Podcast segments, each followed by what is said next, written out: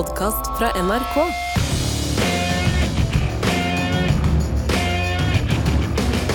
Jeg våkna her om dagen og skjønte til min store forskrekkelse hvor gammel jeg har blitt, fordi hiphop, det er ikke bare jeg som blir gammel, hiphop, altså selve ungdommens musikk, kan vi si, er, fyller nå 50 år.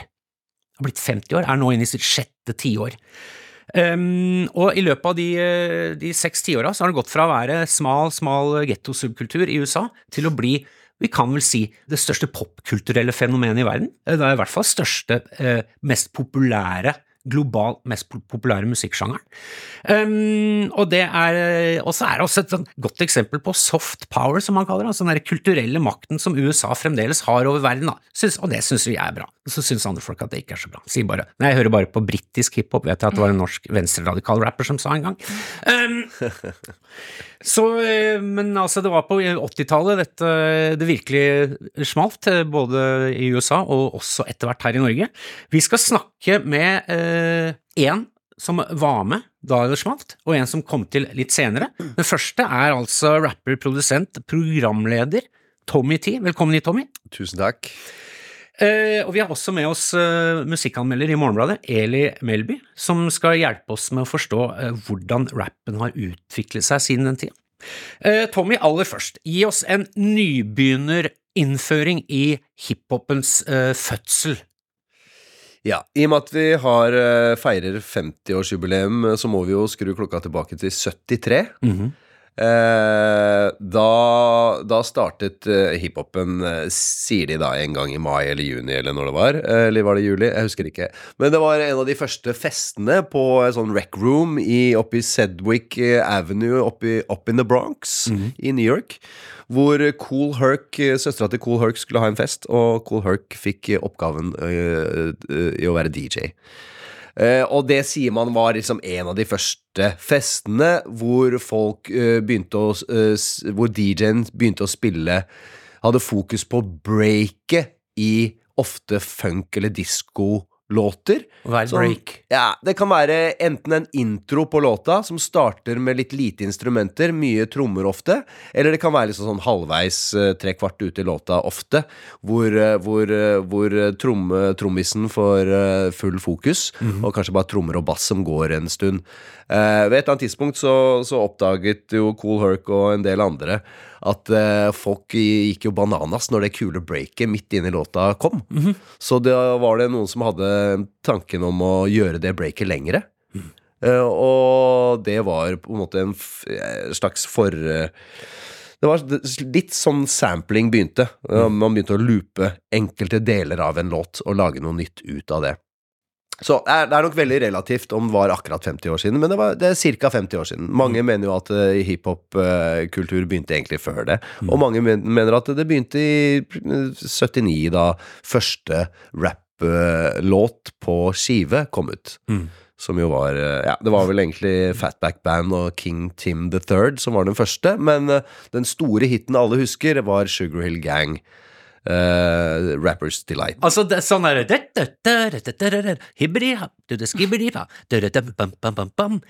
Sånn rap har man ikke hørt eh, på en stund, nei. Nei, det låter ikke helt sånn i dag. Det har hatt en viss utvikling. Eh, men her kommer jo liksom uh, mye inspirasjon, tror jeg, fra sånne gamle uh, radiodiskjocker. På 60-tallet, 50-tallet egentlig også. Og litt sånn fra bebop, jazz, fra Altså Det ble en liten sånn sammensurium. eh, Og liksom s- det man kaller og slam-poesi i dag. Altså, det var jo røtter i det. Definitivt. Jill Scott Heron, også eh, radikale, svarte gatepoeter, da. Absolutt. Last Poets mm. og James Brown, eh, ikke minst. Rytmisk prat. Ja, han prata jo mye rytmisk og freestyla sangene sine og litt sånn.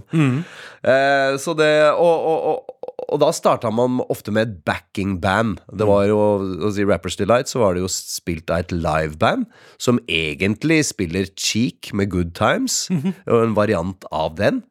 Eh, og sånn var det ofte de tidlige rapplåtene på skive. Dette reflekterte dog egentlig ikke sånn hiphop var før det kom på skive. For da var det jo folk som, eh, altså DJ som spilte breaks, som vi snakka om i stad. Eh, og det låt mye røffere. Eh, og, og folk uh, Altså, rapperen på den tida der var mer sånn en master of ceremony som kanskje ikke Han hadde ikke liksom lange vers han skulle Derav begrepet MC. MC, ja. Eh, så, så det var mer en sånn host for festen. Ja, konferansier. Litt sånn konferansier. Ja. Og litt sånn ok, det står om Volvo midt ute i parkeringsplassen som står helt skeivt. Kan du være så snill å flytte den? Det er DE4455. Ja. Eh, så da hadde jeg liksom alle mulige type oppgaver, denne rapperen, eh, som etter hvert ble rapper. Men det var DJ-en som absolutt var midtpunktet mm. på den tida der.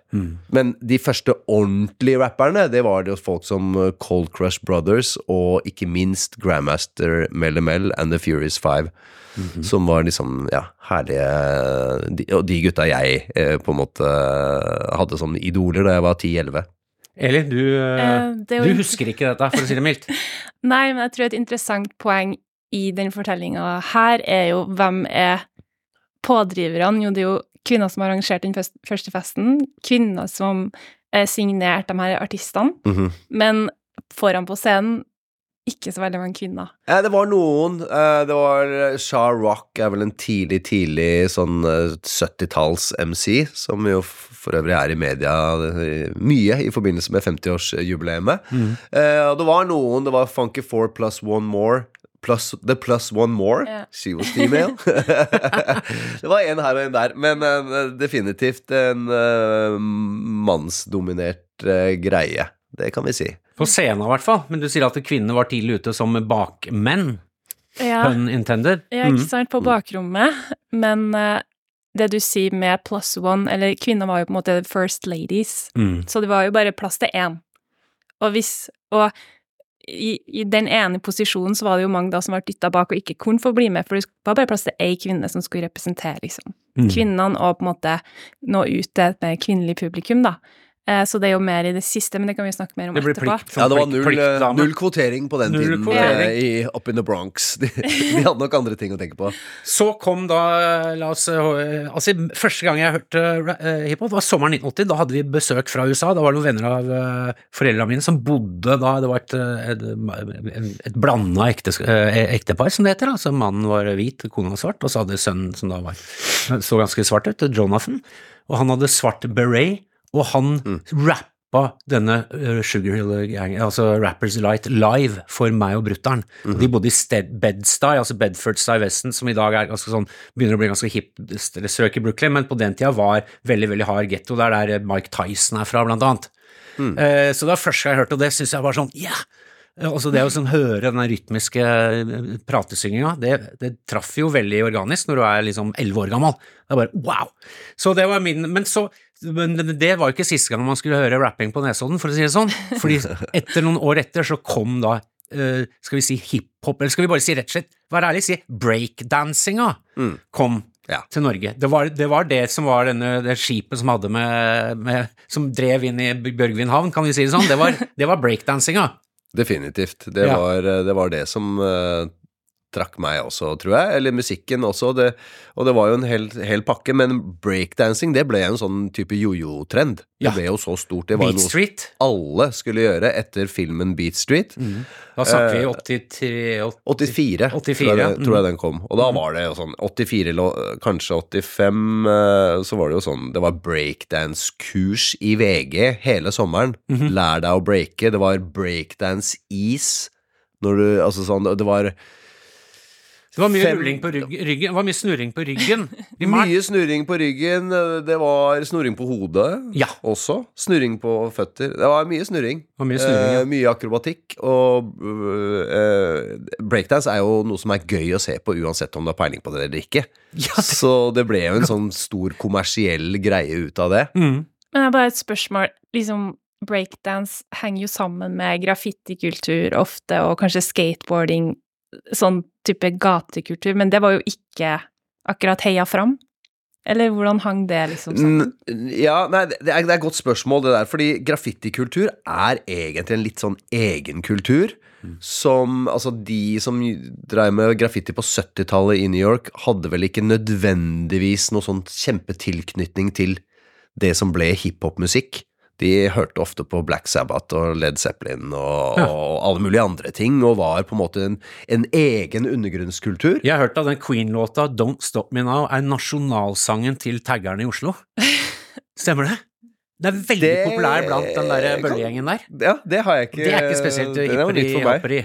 Ja, nei, Nei. nei, nei, nei, nei. Nei. Altså, det går jo an å høre på andre ting også. Ja. Og det er vel litt sånn derre Pakka vi fikk over da det kom til eh, Europa, da, med eksempel Beat Street, så fikk vi en slags pakke hvor det var liksom Ok, det var graffiti, det var breakdance, og det var musikken, liksom. For det er fire elementer i hiphop. Hva er de fire elementene? Ja, det kan man si. Eh, det er da graffiti, breakdance eller breaking, eh, DJ-ing og MC-ing, rapping, da.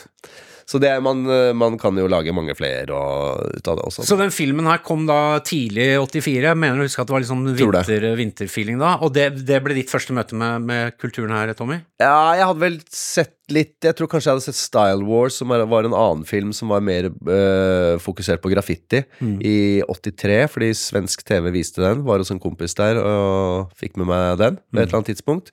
Det var noen låter som Jeg, jeg husker ikke hvordan jeg oppdaga det, men jeg husker jeg hørte scratching.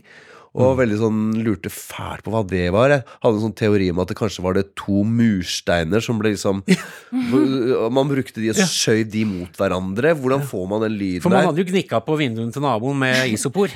Exactly. Det var- Og det hadde jo en sånn Lyden av bøll. Du skjønte at det var en slags gnikketeknikk. Ja.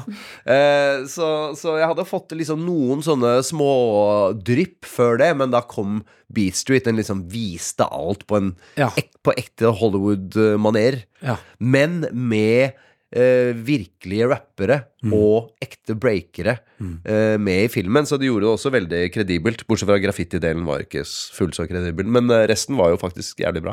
Og så, eh, som du sier, du sammenligna dette med jojo, breakdance-feberen som kom det, det året. eh, Og som vi vet, så dør jo jojo Det går jo sykluser. Jeg vet ikke om det går i sykluser lenger engang, men Nei, så var det veldig mange som hadde begynt med breakdance og begynte å interessere seg for denne kulturen, som bare droppa ut. Du blei igjen, Tommy.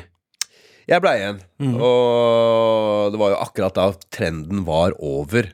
Ja. Da var det absolutt ikke noe kult. Eh, Da Det var liksom da vi som da 15-årige cirka begynte å bli seriøse på den kulturen her, og virkelig begynte å skjønne hva som var hva, og hadde et mer nyansert forhold og var hypp på å dypdykke i dette her. Og da var jo egentlig trenden over, så da ble vi jo sett på som tullinger, egentlig.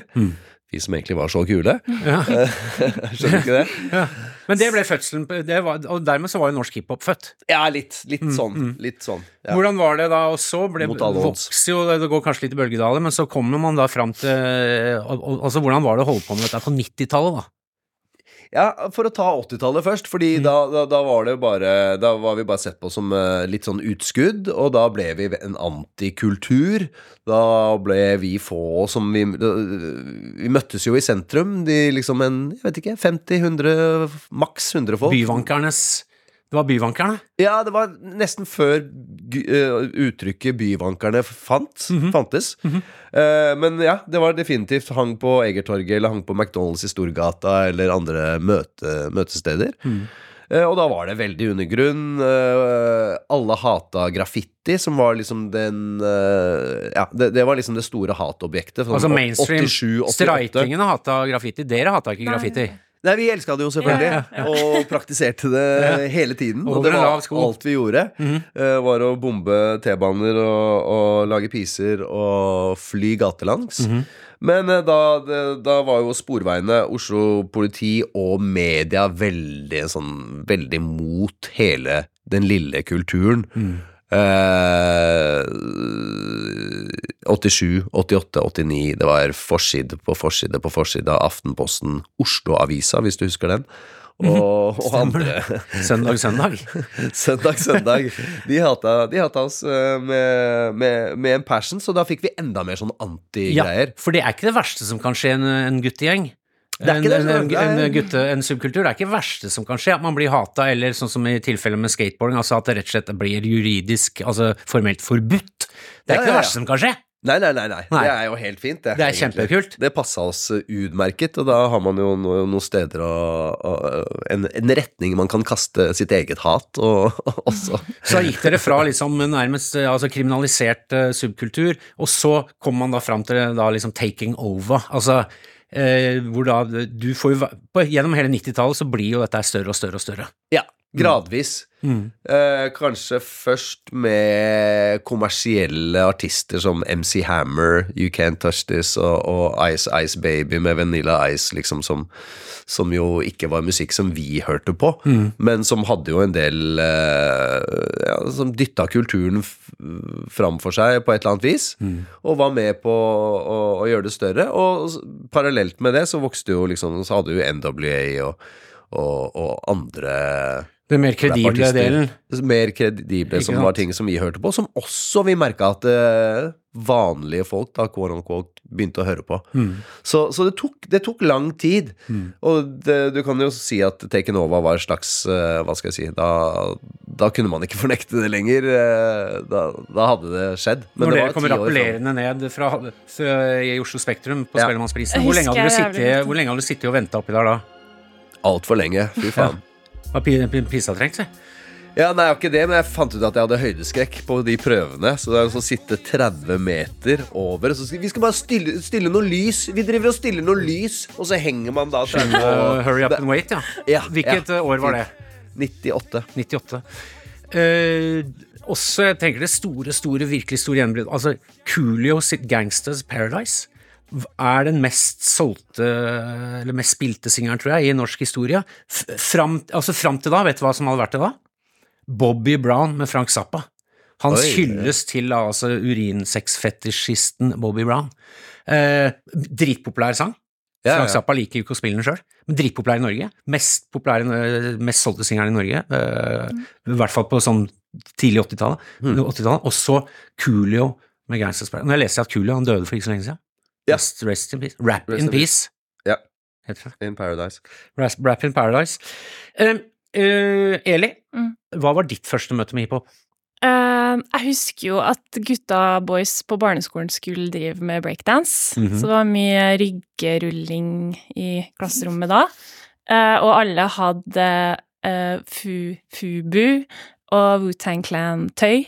For us, by us. Yes, Fubu. -hmm. ja. Um, men uh, mitt liksom Og Wu-Tang Clan var jo veldig, veldig stort, så det er jo New York-rapp da på slutten av 90-tallet. Mm. Uh, men for min del så er jo Lill Wayne den store rapperen som på en måte satte i gang min liksom obsession, da, med, med rappkulturen. Jeg husker veldig godt, men nå hopper vi et tiår, da. Mm. Men uh, på slutten, jeg husker ikke når den kom, kanskje 2008, så kom det en dokumentar om Lill Wayne eh, etter Hurricane Katrina, Mm. eh, der man følger hans Han skal vel gi, ut eh, The Carter 3, da, et album som hadde veldig, veldig stor suksess. Og vi får liksom innblikk i hans skapelsesprosesser, hvordan han på en måte freestyler og lager musikk. Eh, da satt jeg her i Norge og hørte og så på det og ble helt Ja. Hva, hva? For han er jo kjent for å være en herremann som uh, han tenker utafor boksen. Det har vært blant annet ganske mye kreativt gitarspill som ikke har vært Ja. helt top notch, kan vi jo si. Det kom etter Fra? The Carter 3, Jeg syns det har vært uh, maks, jeg. Har? Rockstar. ja. Bedre enn Kan, de kan spille Jeg bare tenkte at det var bare kødd. Men han, også, han skater også.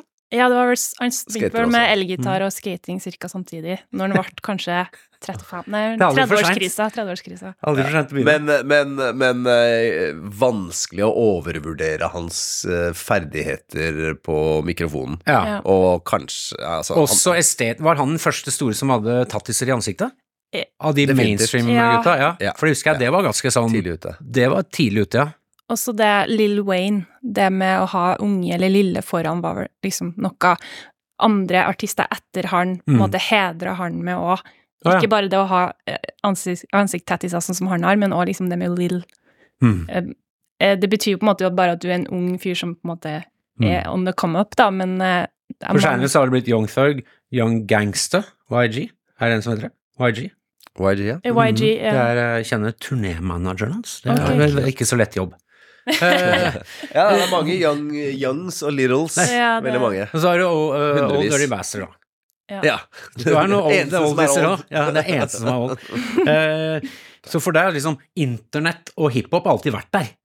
Uh, ja, absolutt. Ja. Så absolutt uh, viktig for meg er jo de nettsidene med mixtapes, da. Som Mm. er veldig viktig sant, for hiphopen, fordi man snakker om den kulturen og de fire elementene og sånn, og liksom like viktig var jo den derre tapesen som man solgte, ikke sant.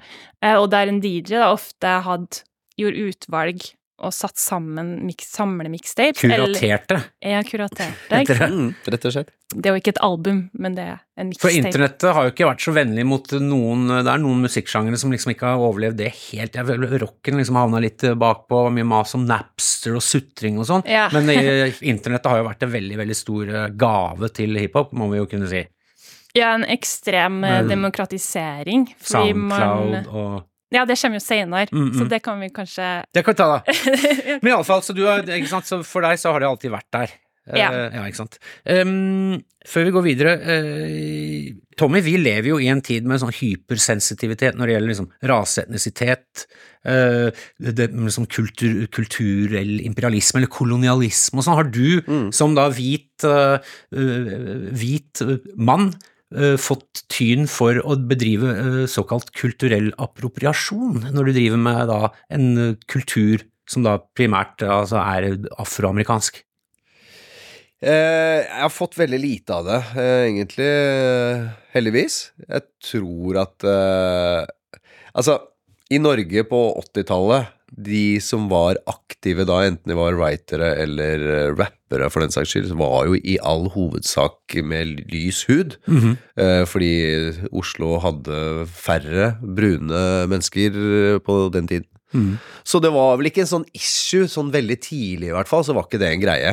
Pluss at vi var jo så utrolig opptatt av å holde det som vi oppfatta som reglene innen hiphop, og holde den kulturen eh, som den skulle Dere var være. purister. Var, ja, vi var purister, så, så da, da, det var liksom ikke som at vi tjente masse penger på det, eller hadde andre fordeler. Det var mer at vi eh, at vi gikk i motbakke på deres vegne.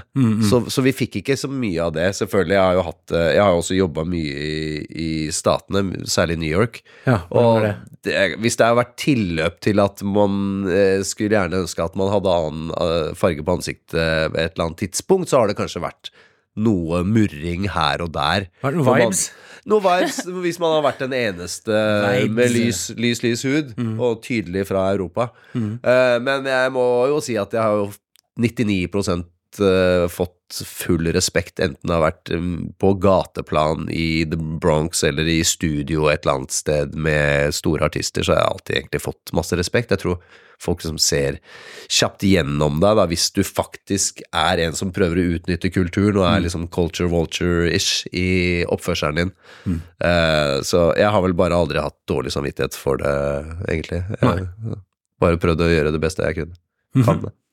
Eli? Uh, det, en annen ting med appropriasjon, eller det, det ulikhetsaspektet, da, kanskje, og jeg tenker um, meg som anmelder, og, og før når jeg hadde et radioprogram på Nova, eh, Radio Nova som handler om hiphop, eh, eller når vi spilte ut som DJs og sånne ting, det var alltid det å på en måte prøve å dra opp dem som kanskje ikke syntes, eller som hadde en plattform, veldig gode artister som var liksom for undergrunn. Eh, fordi at for å bli spilt, i hvert fall på P3 da, i starten av 2010, det var jo bare Det var jo ikke så veldig mye plass for liksom et spekter av ulike hiphopartister, liksom. Du måtte jo passe inn i en sånn ganske kjedelig boks. Eh, så for oss så var det jo veldig viktig å på en måte kunne invitere inn dem som vi fant på internett, og gi dem en plattform, da. Eh, så jeg tenker liksom Som eh, hvit og privilegert, så er det kanskje en ting man kan gjøre. Kan bruke privilegiet. Ja, man kan bruke privilegiet sitt. Og det tror jeg jo, eller det vet jeg jo Tommy T òg har gjort, uh, absolutt, med den nye serien du har nå av uh, um, Beats som du spiller Nei, med Siabong og Å ja, In Studio With. Ja, at du gir jo liksom unge De er jo relativt store, da, men du gir jo på en måte unge artister en plattform til å synes og Definitivt. Jeg har uh, ting in the works med mye yngre, så det kommer mer. Slutter aldri. Eh, hvordan er det at Hva, tenker du, Eli? Hvordan, hvordan var det sånn at hiphop ble verdens eh, mest populære, skal vi si, popsjanger? Eh, ja, det, Eller musikksjanger? Er det Det ble pop? ja, eh, det er jo veldig, et veldig omfattende og interessant spørsmål, fordi eh, rundt 2010 så ble jo melodier en veldig mye større del av hiphopen. Mm. Eh, du har jo en kar som heter T-Pain, som du kanskje har hørt om. By, Var det han som begynte med autotune? Ja, Buy Your Drink. Eh, han hadde jo en låt sammen med Lil Wayne, Get Autotune, for de som ikke vet det, de som har hørt The Flying on the Wings of Love med disse danske, to danske bandene, hva de het, eh, Olsen Brothers? Ja, ja. Eller du har hørt Cher, den der Do you believe Ja. Altså Ja, når det høres ut som en robot driver Ja. og fucker med Cher, det er autotune. ja. Altså at du får data, du får sånn syntetisk datastemme som gjør at du treffer tonene riktig. Dette var en T-Pain var en som bare nærmest googla seg fram til hvordan dette gjøres, og bare maksa dette for fullt, og rett rett og slett skapte en slags sånn retning. Ja og ble, ble jo hata enormt for det. Ja. Eh, Det er jo litt, Ja. litt JC sånn JC lagde jo Death, Death of of Autotune. Og det var en Ja, det er litt sånn enorm- svær pille å svelge, den au- autotune. Det er, det er vel elsk eller hat, tenker jeg. ja, men det er jo veldig Var det da, interessant. Fordi Death of Autotune, som er en JC-låt, var jo ideen til den låten, er det faktisk Kanye West som kom med. Men Kanye West lagde jo deretter 808 of, and Heartbreaks, som er liksom største driveren for autotune i liksom kommersiell suksess, da. For det Så- var jo et album kun lagd med autotune. Så dette var en teknologisk revolusjon som gjorde at eh, gutta boys som ikke var spesielt gode til å synge, nå kunne synge melodiøse refrenger? Var det det? Nei, fordi T-Pain er en ekstremt begava sanger. Okay. Så det handler ikke om det i det hele tatt. Det handler om den følelsen Det er på en måte et JC vil jeg si ikke er spesielt begava sanger. Jeg syns han greier å Jeg syns han rapper surt, til og med, men Ja. meg om det. oh, ja, Har Han har kanskje ikke brukt så mye autotune heller, da. Jeg vet ikke. Han er den eneste siste mohikaneren som ikke bruker det. Men selvfølgelig, autotune får jo folk som ikke kan synge, til å kunne Ja, holde, det holde er- tonen. Det er ikke noe tvil om det. Men, det, men, Nei, men, men det er men det er mange av de som bruker eh, autotune, som også kan synge fra før av. Ja. Men uh, det er jo utrolig mange som ikke kan det også. og For her er vi inne på min kjeppis. Altså, jeg lager jo podkast først og fremst for at det er ting som irriterer meg. Det er den der formatet som kanskje dukka opp litt før det òg, hvor en, eh, det er et, en poplåt, ganske poppa låt, men det er noen beats i bånn. Og så er det rap, en mann som rapper i verset, og så kommer ei lita sanglerke inn på refreng og synger sånn vakkert melodiøst refreng. Ja. Det, det kjenner vi jo fra uh, Multiside sin Not for the Ja. Doll, ikke minst. Ikke noe til forklaring for Patrick og co. Uh, eh, og, så er, og det syns jeg er utrolig irriterende sjanger, men jeg syns den JC og Alicia Keys, den New York-sangen, Empire State Mine, Mind, den syns jeg er fin, for at det er så flott liksom når hun kommer inn, da, du ser liksom for deg New Yorks storhet, da. Ja.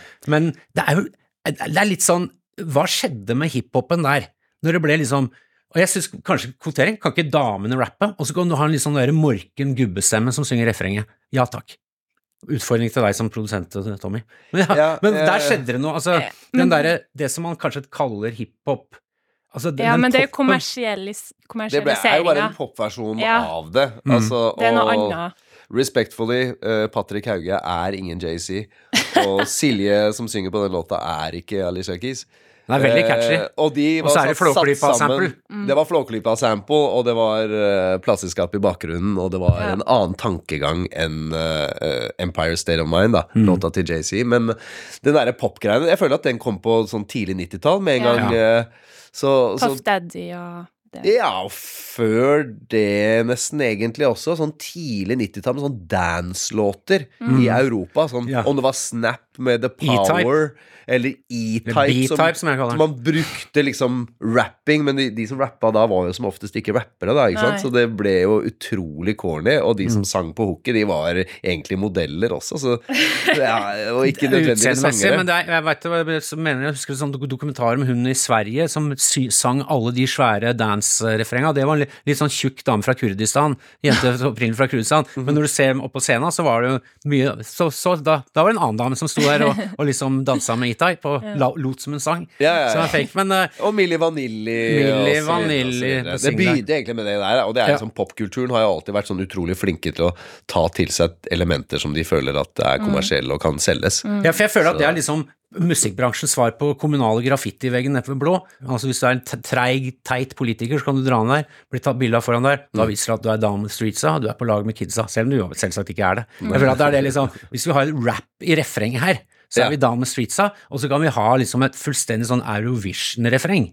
Mm. Ok, det er min puristen inni meg, da. Tenker at uh, Du har, jo, du har jo det samme i dag og med trap, men det skal vi snakke om etterpå, men trap beats og drill beats som blir brukt i, i poplåta.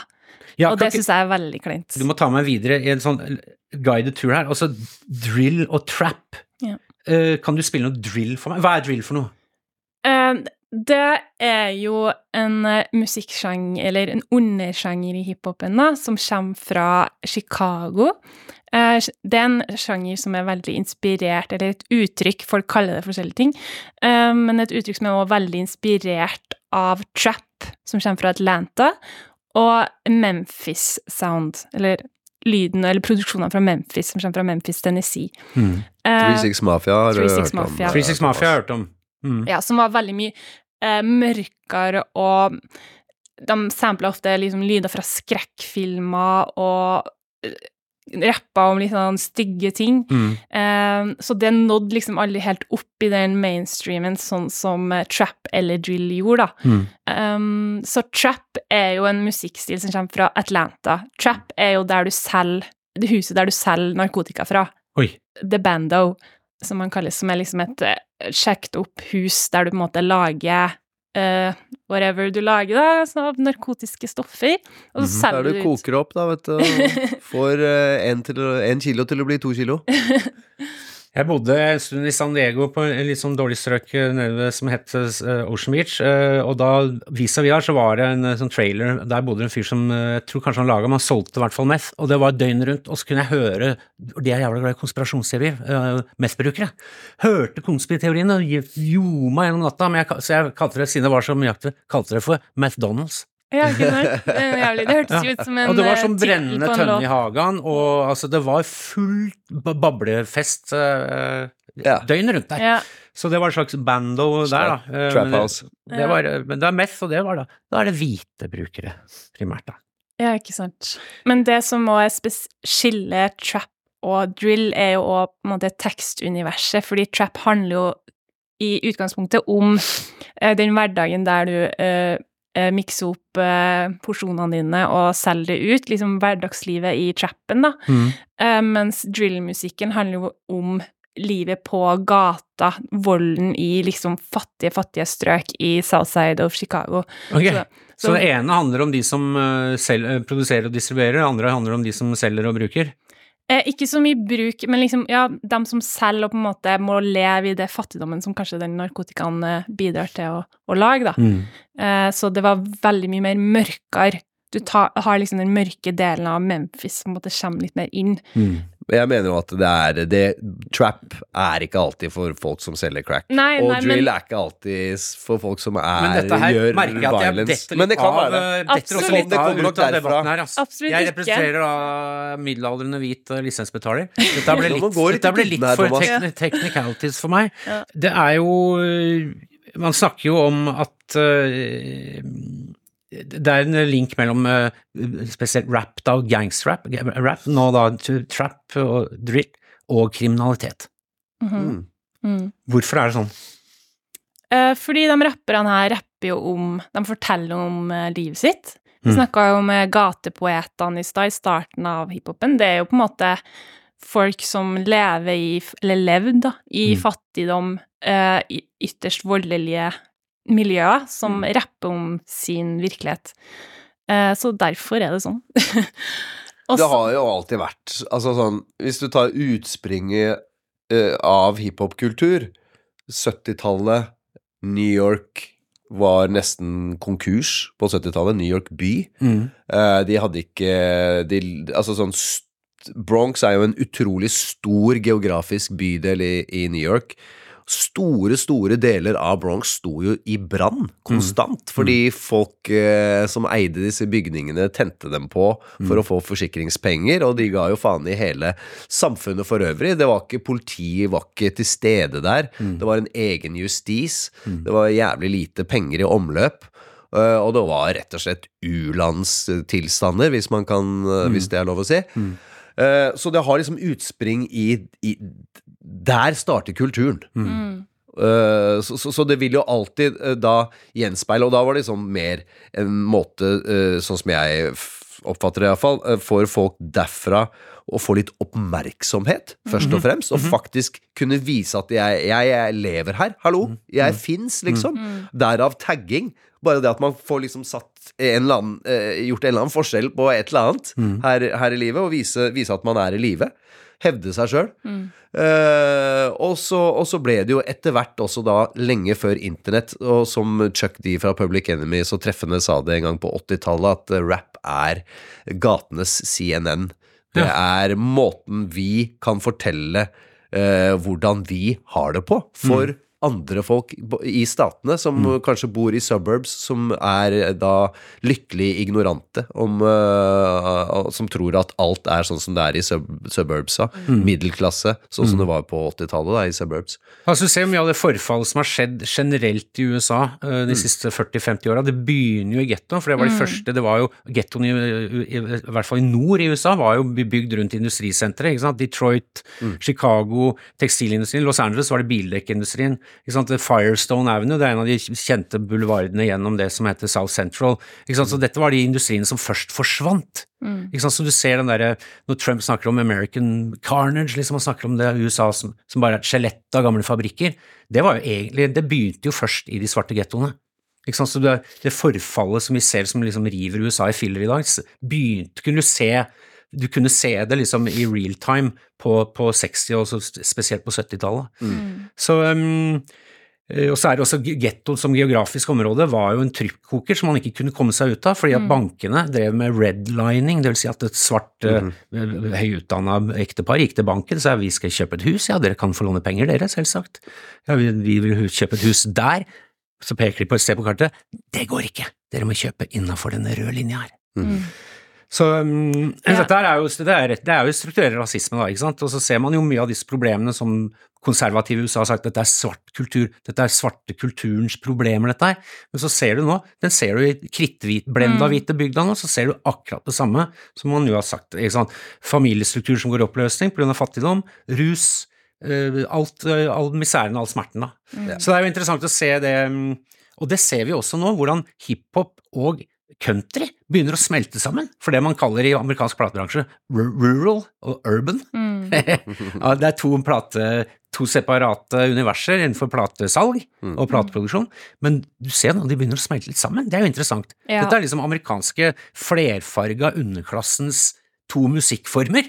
Og den Ja, er, er jo nydelig, og jeg er, er veldig glad i den sjangeren. Eh, Og det er jo bare en fortsettelse av den der mus, mu- liksom sang, melodi, eh, utviklinga i rappen, liksom. Jeg føler det er veldig en organisk utvikling.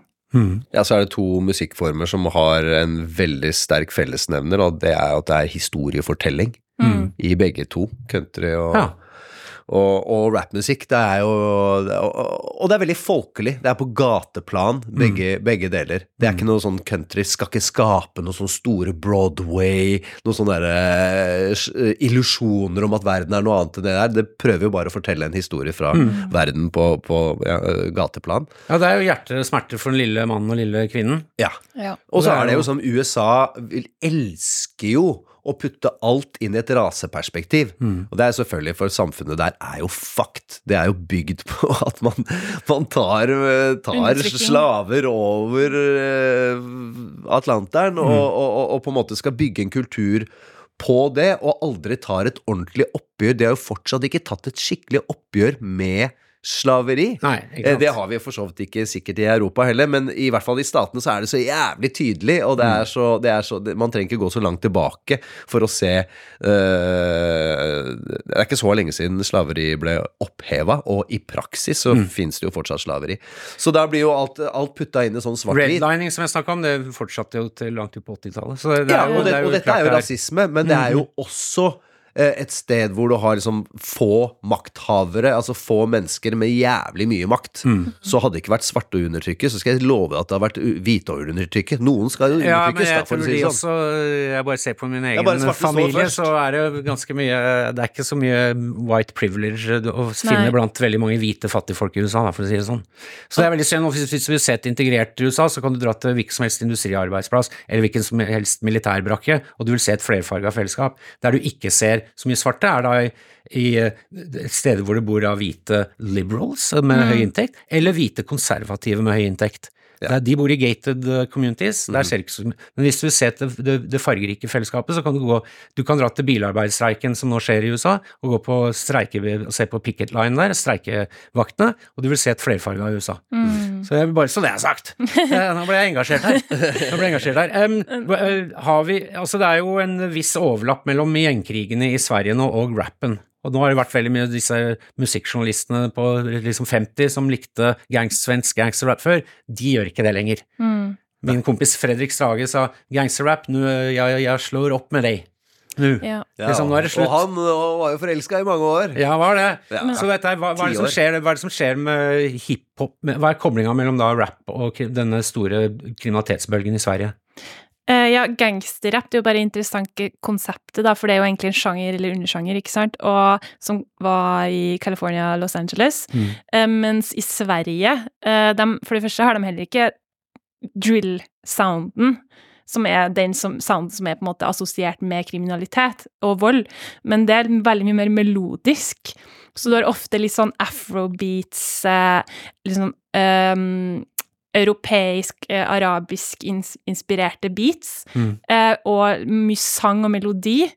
Eh, og så snakkes det jo veldig mye om eh, turfs og eh, våpen og vold. Altså gjengområde, territorier. Ja, territorier. Um, eh, så var det jo Sveriges absolutt største artist, som solgte mest plater, eller streams, da, som vi sier i dag. Han ble jo drept. Hvordan heter det for noe? Einar. Veldig, veldig ung eh, kid, eh, som da ble virkelig myrd... Altså ble nærmest eh, torturert i hjel, kan vi si det sånn? Jeg ble jo skutt ble skutt. i hodet, da, Ja. på kloss hold, så Men, Men før det så ble Ja, det jo han, ble Ja, kidnappa. han Han ble kidnappa, ja, nettopp. Kids. av en annen stor, en av de største, mest streama artistene i Sverige, som heter Haval, som satt i fengsel da når drapet skjedde, pga. på grunn av den kidnappingen. Mm. Så de kidnappa jo Einar eh, og torturerte han og kledde han ut i dameklær og filma han Mm. for å ha et pressmiddel da, for å få penger. Eh, og Einar var jo en person som sjøl hadde sittet i sånn juvie.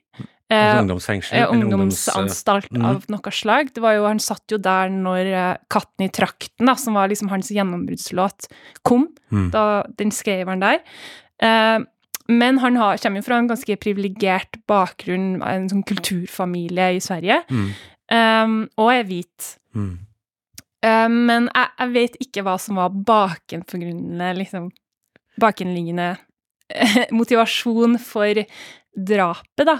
Eh, men eh, Einar var jo assosiert med en, eh, et nettverk som het Dalen, eller het, het Dalen-nettverket. Og han ble jo på en måte lurt til å bli med på en innspillingssession med Haval, da. Mm. Der det satt en gjeng fra Vårby-nettverket, da, som tok han, liksom. Som skulle ta han. Det var en felle? Ja, det var i felle. Bakholdsfelle. Ja. Um, det er det, så det er altså nå, ser du liksom denne rappen i Sverige og kriminalitet eh, er liksom tett fletta sammen. Um, er det, har vi en lignende kobling mellom kriminalitet og rap i Norge? Altså, det var jo, en- det var jo en eh, I Norge var det jo år første gang en rap-tekst ble brukt som bevis i en rettssak. Da var det en eh, artist i 20-åra som ble tiltalt for drapsforsøk på Stovner. Er, dette eh, er det en sånn lignende Ser vi ting fletta sammen på samme måte her i Norge, eller begynner vi å se det? Eh, jo, lite grann. Uh, ikke, ikke sånn som i Sverige, for det er et annet type samfunn uh, i Sverige enn Norge, og det har det heldigvis uh, alltid vært. Mm. Det er Ja, vi har det, det er ikke Men bindingen er jo selvfølgelig der. Mm. ofte så lages jo musikk av folk på gateplan. Gatekulturen har de til felles med, med folk som også er kriminelle. Eh, folk kjenner hverandre. eh, og, og ja, rappmusikk begynte jo eh, Det kommer jo fra gateplan, det beskriver livet som skjer der. Og når det blir jævlig trendy å prate sånn, så kan det også bli en sånn tendens til at man faktisk eh, kaster bensin på bålet på et eller annet vis. Eh, jeg syns jo det er det, det er vondt å melde det, men, men, men, men noen ganger så kan det, kan det fungere sånn. At Kan gangsterrap skape gangsters? Selvfølgelig, det, det, det kan det. Og det kan, du ser også en del eksempler på folk som i utgangspunktet ikke er gangstere, men som begynner å rappe og skal tøffe seg masse i den sammenheng og hevde at de har gjort masse her i livet, og det er en sånn statusgreie. Eh, og så med med et eller annet tidspunkt så vil jo det innhente deg. Eh, det er Die or get rich trying, si. Da blir det litt sånn. Mm. karma. Mm. Ja, er det, veldig, er det mye posering også, eh, også Som min kompis som er turnémanager til Young, Young Gangster, sier nei, det er sånn, de, de har gønnere, og det er mye styr, og så er det mye sånn æreskodekser, og så er det en som blir skutt, og så må de sky... Altså, det er utrolig mye sånn pes, da, sånn gangsterpes, hele tida. Ja. Eh, men er det, Kan er det. Så det er ekte, men er det, er det er, er, Tommy sier her at noen kanskje kan bli frista til å liksom ljuge på seg litt, uh, litt sånn gangster-thug-cred? Ja, for det er jo igjen liksom utviklinga med internett sammen med rappkulturen, ikke sant. Det Mm. derre med YouTube, eh, Instagram og nå TikTok, da. Mm. Eh, hvordan man iscenesetter seg sjøl for å kunne nå ut til et bredere publikum. Man spiller jo på de eh, fordommene eller de liksom forlokkende liksom tittergleden i oss. Vi liksom, vi liker å se på en måte eh, på den volden her som displayes, ikke sant. Mm. Eh, så det Jeg syns det er en litt sånn derre veldig giftig miks mellom på en måte det eh, Det derre liksom voyeurismen, da, at man liker på en måte å liksom prøve å finne ut av de kriminelle koblingene mellom rappere og undergrunnskriminelle nettverk, Mm. eh, samtidig som òg artistene sjøl kan på en måte nå ut og ha større kommersiell suksess ved å på en måte spille på de her fordommene, Mm. og ikke minst få mer kred. Eh, man kaller jo det liksom krim, eh, krimfluencers, da. Ja. De som på en måte kan flashe ting.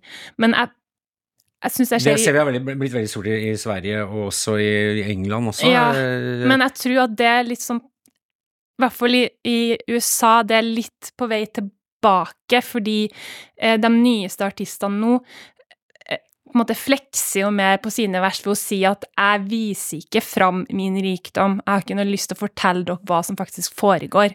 For det kan backfire. Ja, plutselig har du en Ricos Mm. charge, sånn som Rico Thug. mafia, organisert kriminalitet. Ja, du kan få det på deg. Eller Ja. du kan også oppleve at du blir utsatt Skutt. for, for ran, altså fra folk som vil ha blingen din. tar det, ja. Det, det har jo skjedd med en av de største nye artistene i, i vår tid, da, Pop Smoke, som var en uh, artist fra eh, New York, som Mm. drev med New York drill, men som hadde liksom veldig mye til felles med, med 50 Cent. Han hadde liksom den karismaen da, Mm. som nådde ut. Uh, han var jo på tur til Los Angeles. Flasha um, klokka og så videre på Instagram. En gjeng fant ut hvor han var, rana han, skjøt han. Så. Det er liksom Den Det derre iscenesettelsen på Instagram har jo på en måte veldig vært med i å pushe eh, det her aspektet, da. Men det er jo det samme som ligger uh, Ligger bak hvorfor liker vi å se voldelige filmer. Uh, jeg liker jo ikke å se voldelige filmer. Jeg ser ikke actionfilmer. Jeg klarer ikke det. Jeg er for sensitiv, har jeg lært meg i mine eldre dager. Ja. Eh, men samtidig så Men du hører på drill men samtidig så kan jeg høre på drill, og jeg liker at rapperen jeg hører på, at den har at jeg, jeg har troa på at det han sier, ikke nødvendigvis er 100 sant, Mm. men at det er en ting som vedkommende har, har et eh, nært forhold til. Det er ikke fake. Mm. Det er ikke fake, og så trenger det jo ikke være blod og gørr og skyting, og, og, og, og jeg reagerer jo på visse av de tinga, hvis det blir for mye også, men det er sånn, hva, hva er menneskets fascinasjon med, med de tinga der? Det, det er vel det det bunner litt i, og så er jo rap eh, musikk blitt så stort nå at nå er, jo, nå er det jo underholdning framfor å være gatenes CNN. Mm. Det er underholdninga som står øverst. Det er penga folk vil ha. Alle rundt eh, en artist, Mm. de aller fleste, er opptatt av de penga og den statusen. Ikke nødvendigvis historiefortellinga, så da har det blitt litt skeivt. Da. Da, er ikke- da er det ikke så ekte lenger. Men hvis man har vokst opp da med en illusjon om at rap, all rappmusikk, det er jo ekte, Mm. Så har man en litt sånn rar greie going. Hvis du tror at Die Hard er en dokumentarfilm. Da tror jeg at Ronny. James Dio har, har kjempa mot en gigantisk drage under vann, som Ja. i Holy Diver. Ikke sant? At det er en dokumentarisk tekst. Ja. Ja. ja. Så da, da, Kjære dagbok, dette er skjedde meg i dag. Ja. Ja, det blir, jeg skjønner. Altså, det er, det en er en iscenesettelse som da man må på en måte kjøpe seg inn i, og må, man, man blir med på, da. Ja. Eh, kjenner dere til eh, konspirasjonsteorien om gangsterrap? Dette er en Det sies eh, at eh, i 1991 så var det en del plate, mektige plateindustrifolk som ble samla av det som da i ettertid da blir hevda kanskje være CIA-folk, eller noen som har tilknytning til de amerikanske føderale myndighetene på litt sånn skjult vis, som sa til dem eh, folkens, nå skal dere begynne å fokusere veldig på denne gangsterrappen, altså negativ, voldelig rap, fordi de som eier selskapene dere jobber i, har nå investert i en veldig dynamisk voksende bransje, nemlig den private fengselsindustrien. Dette møtet fant visstnok sted i 1991, og så har det blitt, en av de som var der 20 år senere, så sendte han dette i et anonymt brev til en hiphop-blogger. Eh, tror dere noe på det? Ja, hvorfor ikke? Jeg, jeg tror på nesten alle konspirasjonsteorier. Ja, men Ja, jeg tror at det, et- et- det, det hadde vært vilt hvis absolutt alle konspirasjonsteorier var usanne, hadde ikke det? det? vært- det er det mest skumle. Det er det mest skumle av alt. For alt, ja, vilt, det ikke sant? er ingen voksne som styrer noe som helst, da. Nei, ikke sant? Men jeg, jeg, jeg, jeg er litt sånn usikker på om det skjedde på Mm. den måten. Men uh, det er nok noe i det, og selvfølgelig det er uh, Ja, det er, det er, jo en helt uh, vill teori, men det er jo andre teorier som også er ville. Hvorfor Altså, det er jo Man, rei, man kan vel anta at ting som ble rulla opp i forbindelse med Vietnamkrigen og den politikken rundt altså opiumsdyrkingen i Sørøst-Asia, hvor da det, det dukka opp veldig, veldig mye heroin i amerikanske svarte gettoene, og da noen år, ti år seinere med, med, med crack-kokain, og også med veldig mye våpen som dukka opp. eh, og det, da sies det jo at dette her var en bevisst, en villet greie fra mørke elementer i eh, i, i amerikanske maktstrukturen som ville gettoen eh, veldig vondt, og de som bodde der veldig vondt. og det tror jeg vel- man kan vel si at det er noe sannhet i både det med heroin og med cracken, i hvert fall. Det tror jeg vi kan fastslå, nesten. Det var en journalist som het Gary Webb som rullet opp. Det ble faktisk, Han fikk en kjennelse på det i en, i en domstol i, i California. Så eh, det er, noe, det, er, det er en besnærende tanke, kan vi si det sånn, at det er en villet greie å skulle pumpe mest mulig voldelig destruktiv musikk inn i, inn i gettoen. Jo, Definitivt. ja, men det, det på en måte fjerner jo bort liksom det musikalske, kreative aspektet da, av musikken, at det var jo på en måte uttrykk som har tvingt seg fram, eller ville eller ikke, da. Eh, og det er jo ekstremt populært. Det er jo fordi det er, i hvert fall ifølge meg, ekstremt bra artisteri og bra musikk, eh, som liksom snakker til noe sånn humant, eller noe som toucher på veldig mange, da åpenbart, siden det har blitt verdens største eh, musikksjanger. Mm. Um, så Ja, for, det er, selvfølgelig sitter jo folk bak i kulissene og stimulerer. Det er noen som skal eh, investere i visse artister, og som kanskje investerer mer i en Chief Keef enn i en uh, Will Smith. Eh, men Fresh Prince of Darkness, ja. Nei da, han er lightness, han. Det er bare kona hans som er dark. Men, eh, eh, men samtidig, på samme tid som denne konspirasjonsteorien eh, bygger på dette møtet som skal ha vært en eller annen gang hva, tidlig på 90-tallet ja. Eh, På samme tid så hadde du liksom eh, eh, kona til Al Gore, Tipper Gore, s, blant annet, som s- da sto i, i bresjen for en hel kampanje eh, som skulle sensurere rappmusikk, og hun fikk jo på disse parental Og har- og advisory stickers. Og, var- og, og, og hardrock. Da måtte du få en sånn Paris, uh, Parents Parental res, Parental Music Resource Center, altså PRMC eller noe sånt, måtte ha en sånn sticker hvor det sto her er det, er harde tekster. Ja. mm. Hvis ikke fikk du ikke advisory. solgt verken rapplate eller en hardrockplate. Rett og slett. Mm.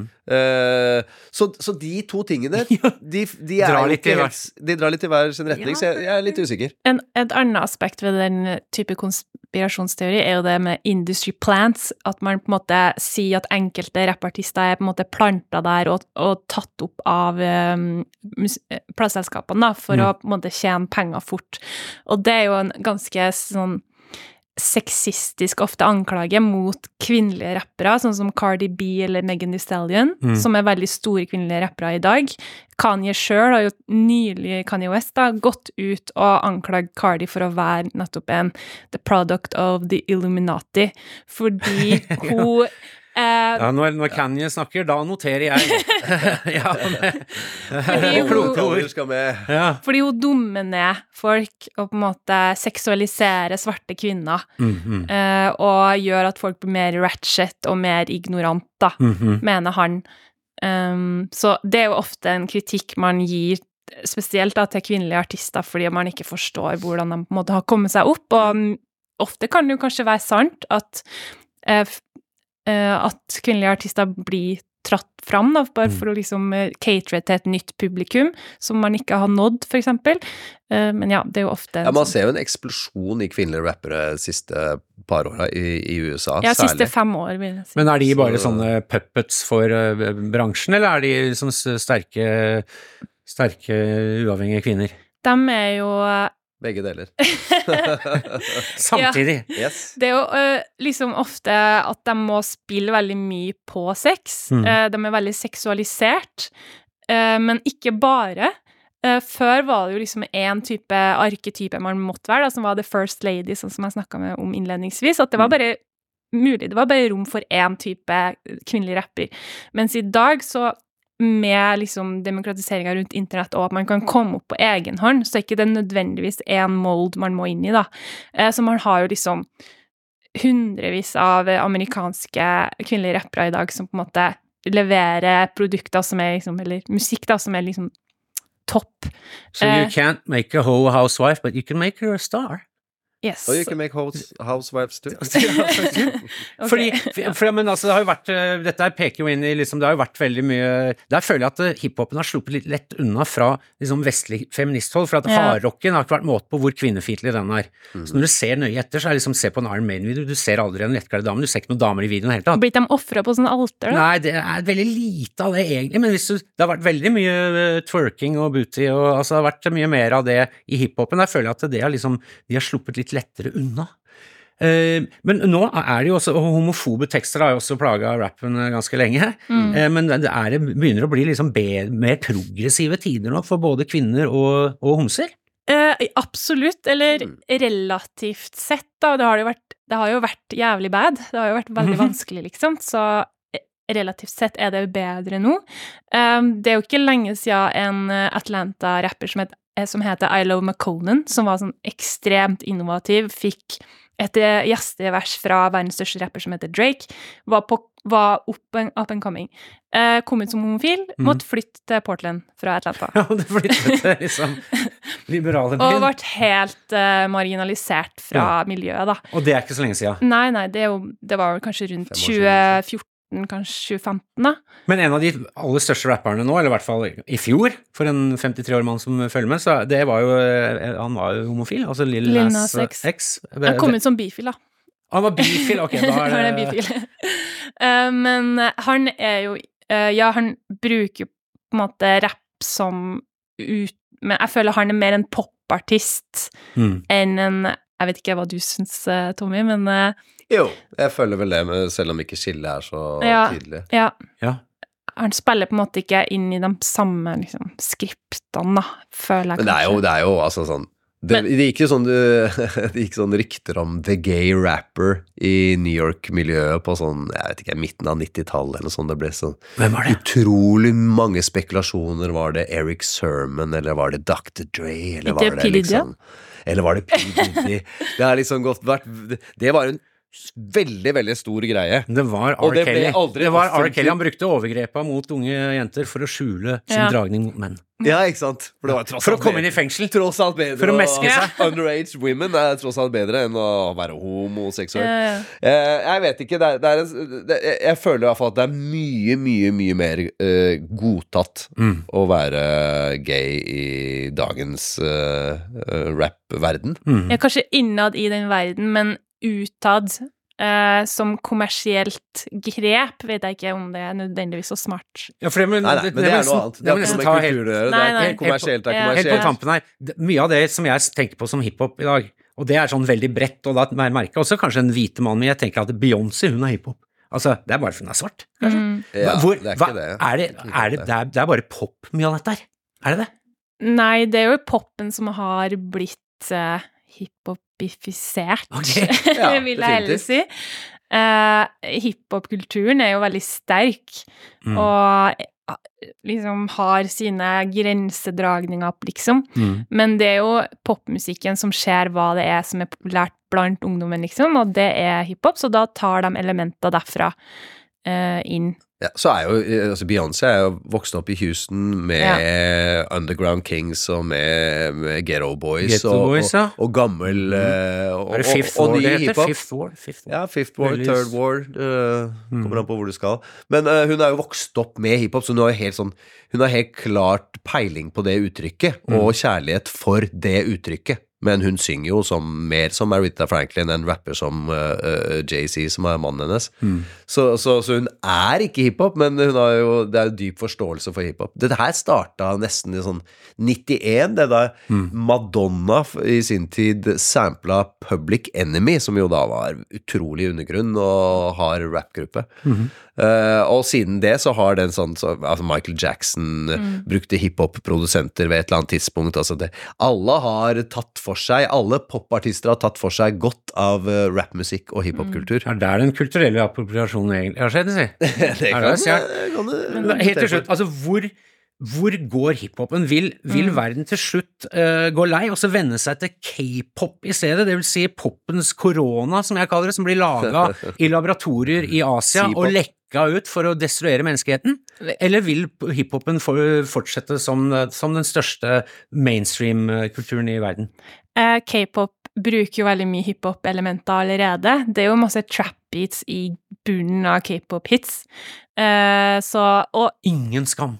så jeg Ingen skam. føler at vi lever jo Man kan jo si at man lever i en midtlivskrise nå i hiphopen, da, i og med at den har blitt såpass vanna ut av av det kommersielle og liksom begynte å bli litt harry, liksom.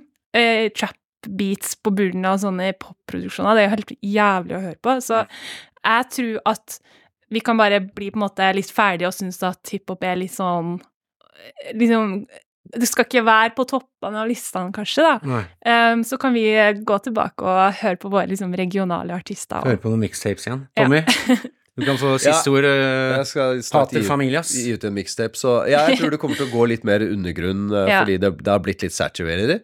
Men samtidig så er hiphop så stort at man finner nå Uansett om du liker et sånn retro 90-talls-sound, så finner man definitivt bra utgivelser innenfor den undersjangeren. Man finner fete ting innenfor Ja. drill, man finner fete ting innenfor noisy eller lofi hiphop. Altså, det finnes så mange undersjangere nå at undergrunnen den lever i beste velgående. Helt uavhengig av det kommersielle. Jeg syns det er veldig illustrerende at Eli, du skal få siste ordet. Ja. Mater Familias, vær så god. Jeg syns det er veldig illustrerende at eh, den største AI-hiten er en eh, prod produsert av liksom Drake og The Weeknd sine stemmer, og skal høres ut som en Drake-låt. Ja. Det er veldig illustrerende for liksom kommersiell hiphop i dag, fordi det er veldig Jeg orker ikke å høre den engang, men hva heter den? Eh, det vet jeg faktisk ikke, jeg har ikke Nei. hørt på den Jeg husker ikke, jeg har hørt den. jeg. den eh, for det høres klarte jo å ekte ut. lure, lure, lure folk jeg spilte den for. Har du hørt den nye Drake og The Weekend, eller? Ja, og det sier jo litt om hvor uh, oppskriftsmessig på en måte Drake eller den kommersielle hiphopen er, da. At er man kan formel. lage en vellykka AI-låt, liksom, og folk gidder ikke engang å være liksom De bare tar det inn og svelger det. Jeg tror det har vært mye AI, spesielt i radiopop, i mange, mange år allerede. Så der har du min konspiteori. Folkens, eh, tusen takk for at dere kom. Dere bare fortsette med det hibbelen, habbelen, skibben, skabben. That's right, that's right, That's right. grandpa. Uh, tusen takk for at dere kom. Tusen takk til dere som hørte på. Uh, det var uh, Trygdekontoret som Thomas Seltzer eh, ble laget av Silje Martinsen Vettere og Marco, eller skal vi en gang til kalle Narko Reinertsen, eh, og Trygdebeistet, som da gjerne vil si eh, Og på vegne av oss vil jeg bare si til dere som hører på, se trygda, vi høres neste uke.